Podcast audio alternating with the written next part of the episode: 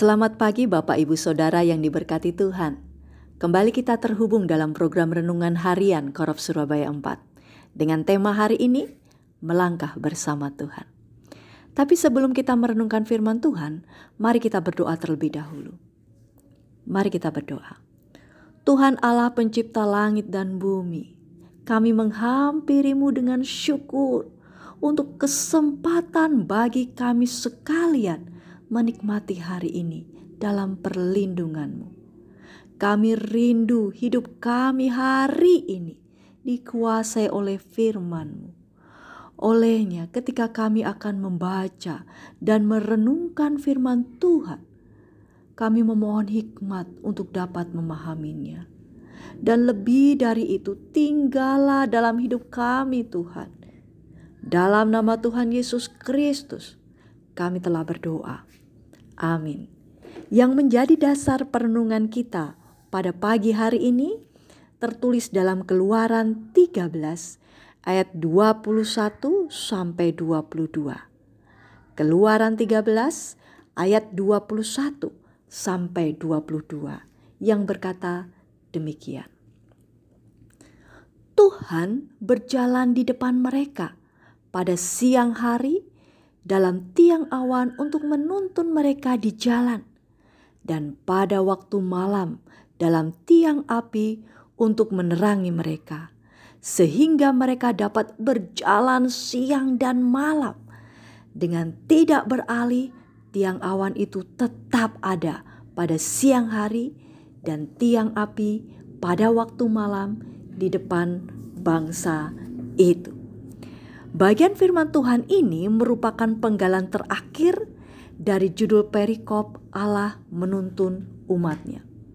Banyak orang Kristen menjadi mengeluh jika diperhadapkan pada perintah Tuhan, hingga menimbulkan banyak reaksi emosi manusia. Tidak senang karena perintah Tuhan itu berat, tidak nyaman karena perintah Tuhan itu membatasi kebebasannya tapi sebagian orang justru senang karena perintah Tuhan itu seperti petunjuk di tengah ketidaktahuan untuk berbuat. Tapi bagaimanapun keadaan kita, berjalan bersama Tuhan itu penting dan harus. Mengapa berjalan bersama Tuhan itu penting? Mari kita belajar dari perjalanan bangsa Israel menuju tanah Kanaan, tanah perjanjian di mana perjalanan tersebut adalah perintah Tuhan. Seperti tertulis dalam firman Tuhan di ayat sebelumnya, yaitu ayat yang ke-17, Allah tidak menuntun mereka di jalan pintas atau jalan paling dekat. Tapi yang terpenting adalah jalan yang terbaik. Karena firman Tuhan menulis meskipun jalan itu lebih jauh, tapi di padang gurun itu perlindungan Tuhan sempurna atas bangsa Israel. Mari kita perhatikan firman Tuhan secara khusus pada ayat yang ke-21. Karena dalam ayat ini ada ketiga, tiga kebenaran penting. Yang pertama, Tuhan berjalan di depan mereka. Siapa mereka? Mereka ini maksud adalah bangsa Israel. Kebenaran kedua, pada siang hari dalam tiang awan untuk menuntun mereka di jalan, dan pada waktu malam dalam tiang api untuk menerangi mereka. Kebenaran ketiga, sehingga kata "sehingga" adalah kata penghubung yang menunjukkan akibat dari hadirnya tiang awan dan tiang api. Tertulis, sehingga mereka dapat berjalan siang dan malam. Apa yang dapat kita pelajari dari bagian firman Tuhan ini? Perlindungan Tuhan ada di dalam jalan Tuhan. Sekali lagi saya katakan, Tuhan yang memerintahkan bangsa Israel untuk melewati jalan itu. Jalan padang gurun yang tandus. Tentu kita tahu bahwa Kondisi padang gurun itu gersang, tanpa pohon yang rindang. sehingga siang hari panasnya lebih menyengat dan sebaliknya malam hari jauh lebih dingin. Padang gurun menjadi rumah untuk ular dan kalajengking. Dan padang gurun adalah tempat yang bagus untuk perampok beraksi karena tidak ada tempat untuk mencari pertolongan bagi si korban. Padang gurun bukan tempat yang nyaman untuk bersantai, berekreasi, apalagi untuk tempat tinggal. Tapi di padang gurunlah Allah memerintahkan bangsa Israel untuk melaluinya menuju tanah Kanaan. Apakah Allah tidak tahu kondisi padang gurun yang penuh bahaya bagi umat kesayangannya? Dalam jalan Tuhan ada perlindungan Tuhan. Alkitab menulis, Allah berjalan di depan mereka dengan bukti nyata yang dapat dilihat oleh mata manusia, yaitu tiang awan dan tiang api. Tiang awan melindungi dari panasnya matahari yang akan membuat semua orang bisa dehidrasi. Tiang api menunjukkan jalan, menunjukkan arah, menunjukkan bila ada bahaya di malam hari, serta memberi kehangatan di malam hari. Kekuatan Tuhan hadir dalam setiap firman-Nya. Adakah saudara seperti berjalan di padang gurun? Engkau tidak tahu harus berbuat apa. Hidupmu seperti ada dalam bahaya. Tidak ada yang menolongmu, tidak ada petunjuk untukmu. Hari ini firman Tuhan berkata khusus untukmu. Tuhan berjalan di depanmu. Hari ini firman Tuhan berkata untuk kita sekalian. Tuhan berjalan di depan kita. Maka perlindungannya yang sempurna akan berlaku atas hidup kita. Mari kita rasakan, mari kita nikmati, dan mari kita buktikan perlindungan Tuhan yang sempurna.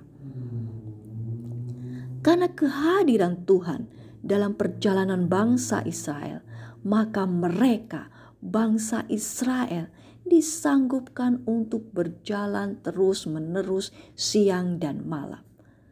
Bapak, ibu, saudara, kalimat ini bukan berarti mereka berjalan tanpa istirahat, tapi mereka terus memperoleh kekuatan untuk berjalan tanpa rasa takut, karena Allah memimpin dan melindungi.